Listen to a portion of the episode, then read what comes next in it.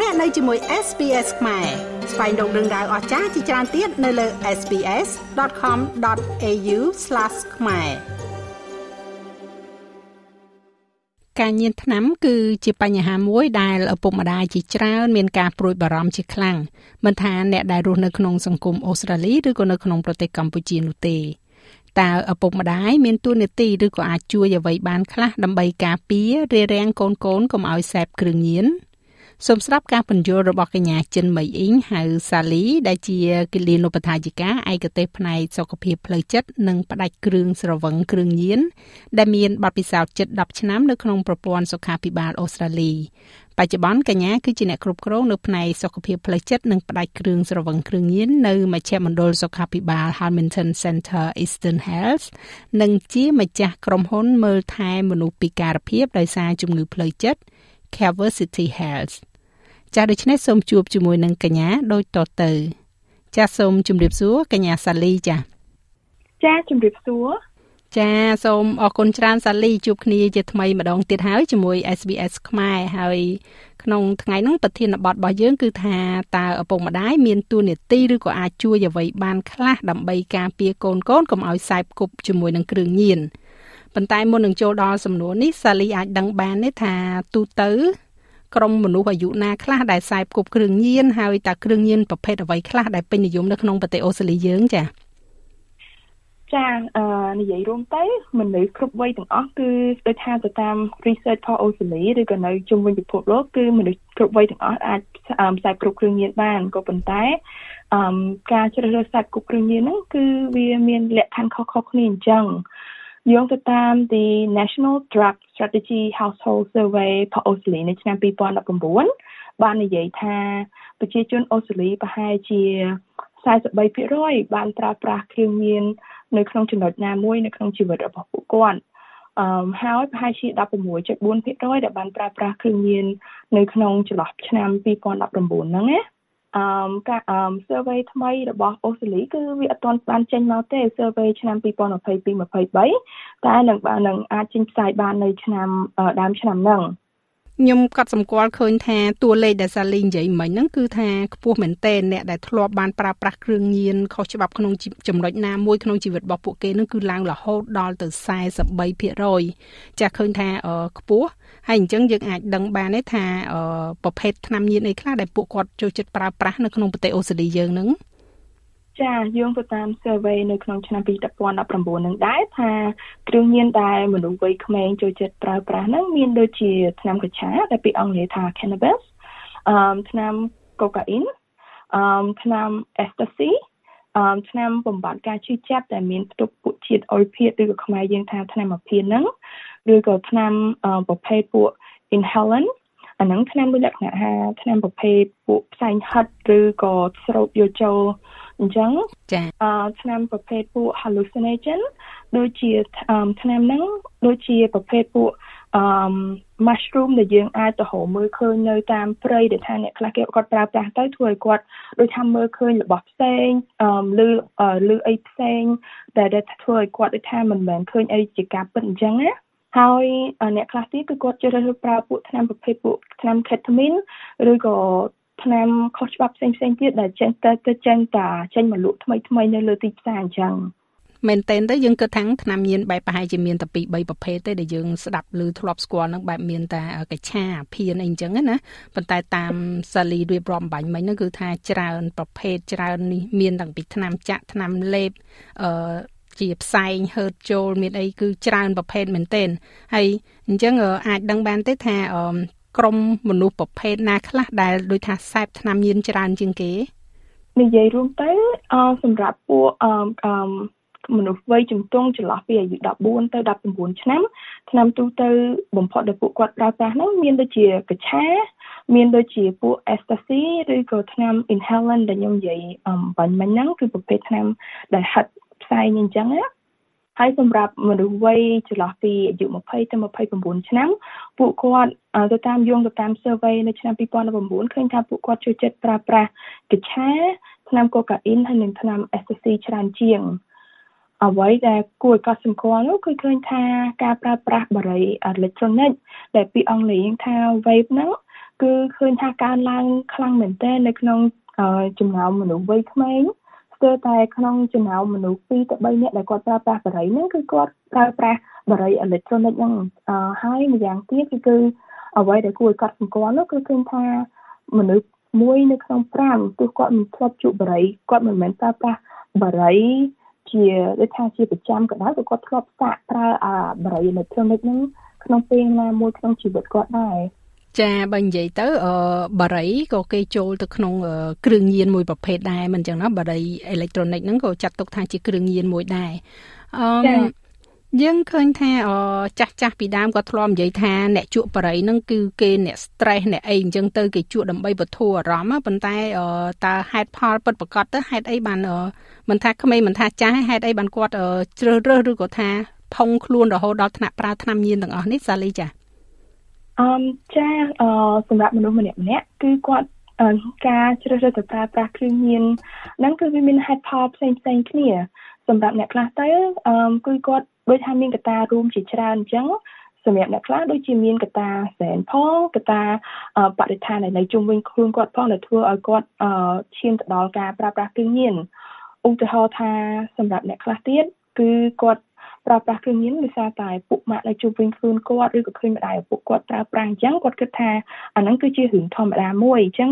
ដើម្បីឲ្យចូលចំណោមក្រុមគ្រួសារឬក៏មិត្តភ័ក្តិគាត់ចុះគឺគាត់ជ្រើសរើសអាប្រើដូចជាប្រជាបារីប្រើគ្រឿងស្រវឹងឬក៏អីអញ្ចឹង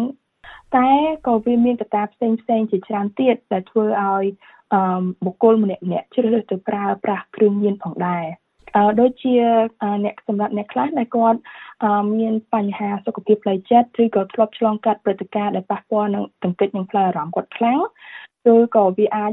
បង្កជាហានិភ័យមួយដើម្បីឲ្យពួកគាត់ទៅប្រើប្រាស់គ្រឿងញៀនព្រោះអីអឺសម្រាប់អ្នកដែលធ្លាប់ប្រឈមមុខនឹងបញ្ហាទាំងអស់នេះអឺ coping mechanism របស់ពួកគាត់វាអាចខុសៗគ្នាអញ្ចឹងអ្នកខ្លះគឺគាត់អត់ចង់ឲ្យគិតពីអារម្មណ៍អវិជ្ជមានឬក៏ព្រឹត្តិការណ៍អវិជ្ជមានដែលធ្លាប់កើតឡើងក្នុងជីវិតអញ្ចឹងគាត់ជ្រើសរើសថាថ្នាំគ្រឿងញៀនប្រភេទណាមួយដែលអាចជួយឲ្យពួកគាត់កុំឲ្យប្រើប្រាស់ហើយកុំឲ្យគិតដល់រឿងអស់ហ្នឹងអញ្ចឹងណាហើយសម្រាប់អ្នកខ្លះទៀតគឺពីអង់គ្លេសថា anti social behavior ពាក្យខ្មែរយើងបកថា អកកិរិយាប្រឆាំងនឹងសង្គមក៏វាជាកត្តាបរិស្ថានមួយដែរដែលបង្កើតហានិភ័យនៃការប្រើប្រាស់គ្រឿងញៀនហ្នឹងដោយសារតែមនុស្សដែលមានបញ្ហាបុគ្គលលក្ខណៈប្រឆាំងនឹងសង្គមហ្នឹងគាត់ហ៊ានដូចថាតចរិតគាត់ហ៊ានហ៊ានហើយក៏គាត់អឺទំនោរមិនគោរពសិទ្ធិអំណាចរីឈរច្បាប់សង្គមឬក៏សិទ្ធិរបស់មនុស្សផ្សេងផ្សេងទៀតដែលនៅជុំវិញខ្លួនគាត់ហើយ អ្វីដែលគួរចាប់អារម្មណ៍ជាងគេបំផុតនោះ research ផ្សេងផ្សេងក៏គេបាននិយាយថាកង្វះការថែទាំនិងយកចិត្តទុកដាក់ពីឪពុកម្ដាយគឺជាកត្តាមួយដែលបង្កឲ្យមានហានិភ័យខ្ពស់ទៅទៅថាកូនអាចឈានទៅដល់ការប្រើប្រាស់គ្រឿងញៀនអញ្ចឹងណាហើយកត្តាមួយទៀតនោះគឺច្បាប់របស់សាលាក៏ចូលរួមនៅចំណែកមួយដែរអឺ គេបានរកឃើញថាច្បាប់សាលាខ្លះដែលមានភាពធូររលុងក្នុងការបញ្ឈប់សិស្សពីការប្រើប្រាស់គ្រឿងញៀននៅក្នុងបរិវេណសាលាក៏ធ្វើឲ្យសិស្សនោះមានឱកាសប្រើប្រាស់គ្រឿងញៀនជុំគ្នានៅក្នុងបរិវេណសាលាគ្រឿងញៀនហ្នឹងខ្ញុំនិយាយហ្នឹងក៏ក៏ include ដូចថាអឺការជក់បារីនៅក្នុងនឹងដែរចាអរគុណច្រើនសាលី យើងបានដឹងបានស្ដាប់បានឮរួចមកហើយអំពីមូលហេតុដែលធ្វើឲ្យកុមារប្រើប្រាស់ថ្នាំញៀនមិនថាជាកុមារទេមនុស្សកុមារឬក៏មនុស្សពេញវ័យហើយក៏ដូចជាប្រភេទថ្នាំញៀនដែលប្រើប្រាស់ហើយពេញនិយមនៅក្នុងប្រទេសអូស្ត្រាលីយើងគឺឃើញថាច្រើនមកហើយឥឡូវយើងបកចូលមកក្នុងសំណួរយើងវិញថាក្នុងនាមជាឪពុកម្ដាយចាតើពួកគាត់មានទួនាទីឬក៏អាចជួយអ្វីបានខ្លះដើម្បីការពារឬក៏បង្ការកូនកូនពួកគាត់នឹងកុំឲ្យផុងខ្លួនចូលទៅក្នុងការខ្សែបគប់គ្រឿងញៀននេះបានចា៎ចាអឺមេដាបេដាទាំងអស់គឺគាត់អាចចាត់វិធានការមួយចំនួនបាន ដូចជាការមានវត្តមានឲ្យបានច្រើនទៅតាមអ្វីដែលគាត់អាចធ្វើទៅបាននៅក្នុងជីវិតប្រចាំថ្ងៃរបស់កូនគាត់ដើម្បីផ្ដល់ការគ្រប់គ្រងនិងណែនាំកូនរបស់ពួកគាត់អញ្ចឹងណាហើយអ្វីមួយទៀតគឺធ្វើជាគំរូដ៏ល្អ អឺខ្ញុំបានខ្ញុំចង់មានន័យថាបើសិនជាប៉ាម៉ាក់គាត់ប្រើប្រាស់បារីដើម្បីទៅជួយកាត់ stress របស់គាត់អឺគាត់អាចជ្រើសរើសទៅដូចថាជក់បារីហ្នឹងនៅខាងក្រៅផ្ទះកុំឲ្យដូចថាប្រើប្រាស់នៅមុខកូនកូនរបស់គាត់អឺហើយទី3នោះគឺគួរតែលើកទឹកចិត្តកូនរបស់ពួកគាត់ឲ្យចូលរួមនឹងសកម្មភាពក្នុងសង្គមផ្សេងផ្សេងដូចជាការលេងកីឡា ការចូលរួមក្លឹបសភៅការចូលថ្នាក់សិល្បៈ ឬក៏សកម្មភាពព្រឹត្តិការណ៍ផ្សេងផ្សេងនៃដូចថាកម្មវិធីផ្សេងផ្សេងនៅក្នុងសង្គមដូចជាកម្មវិធីសមាគមឬក៏នៅវត្តខ្មែរយើងអញ្ចឹងទៅចាសំខាន់គឺយើងត្រូវមានការដូចថា តាមដានយកចិត្តទុកដាក់ជាមួយនឹងកូនកូនហើយព្យាយាមបង្វែងដានពួកគាត់ដើម្បីឲ្យទៅចូលរួមនៅក្នុងសកម្មភាពផ្សេងផ្សេងដើម្បីឲ្យជិះឆ្ងាយពីបញ្ហាគ្រឿងញៀន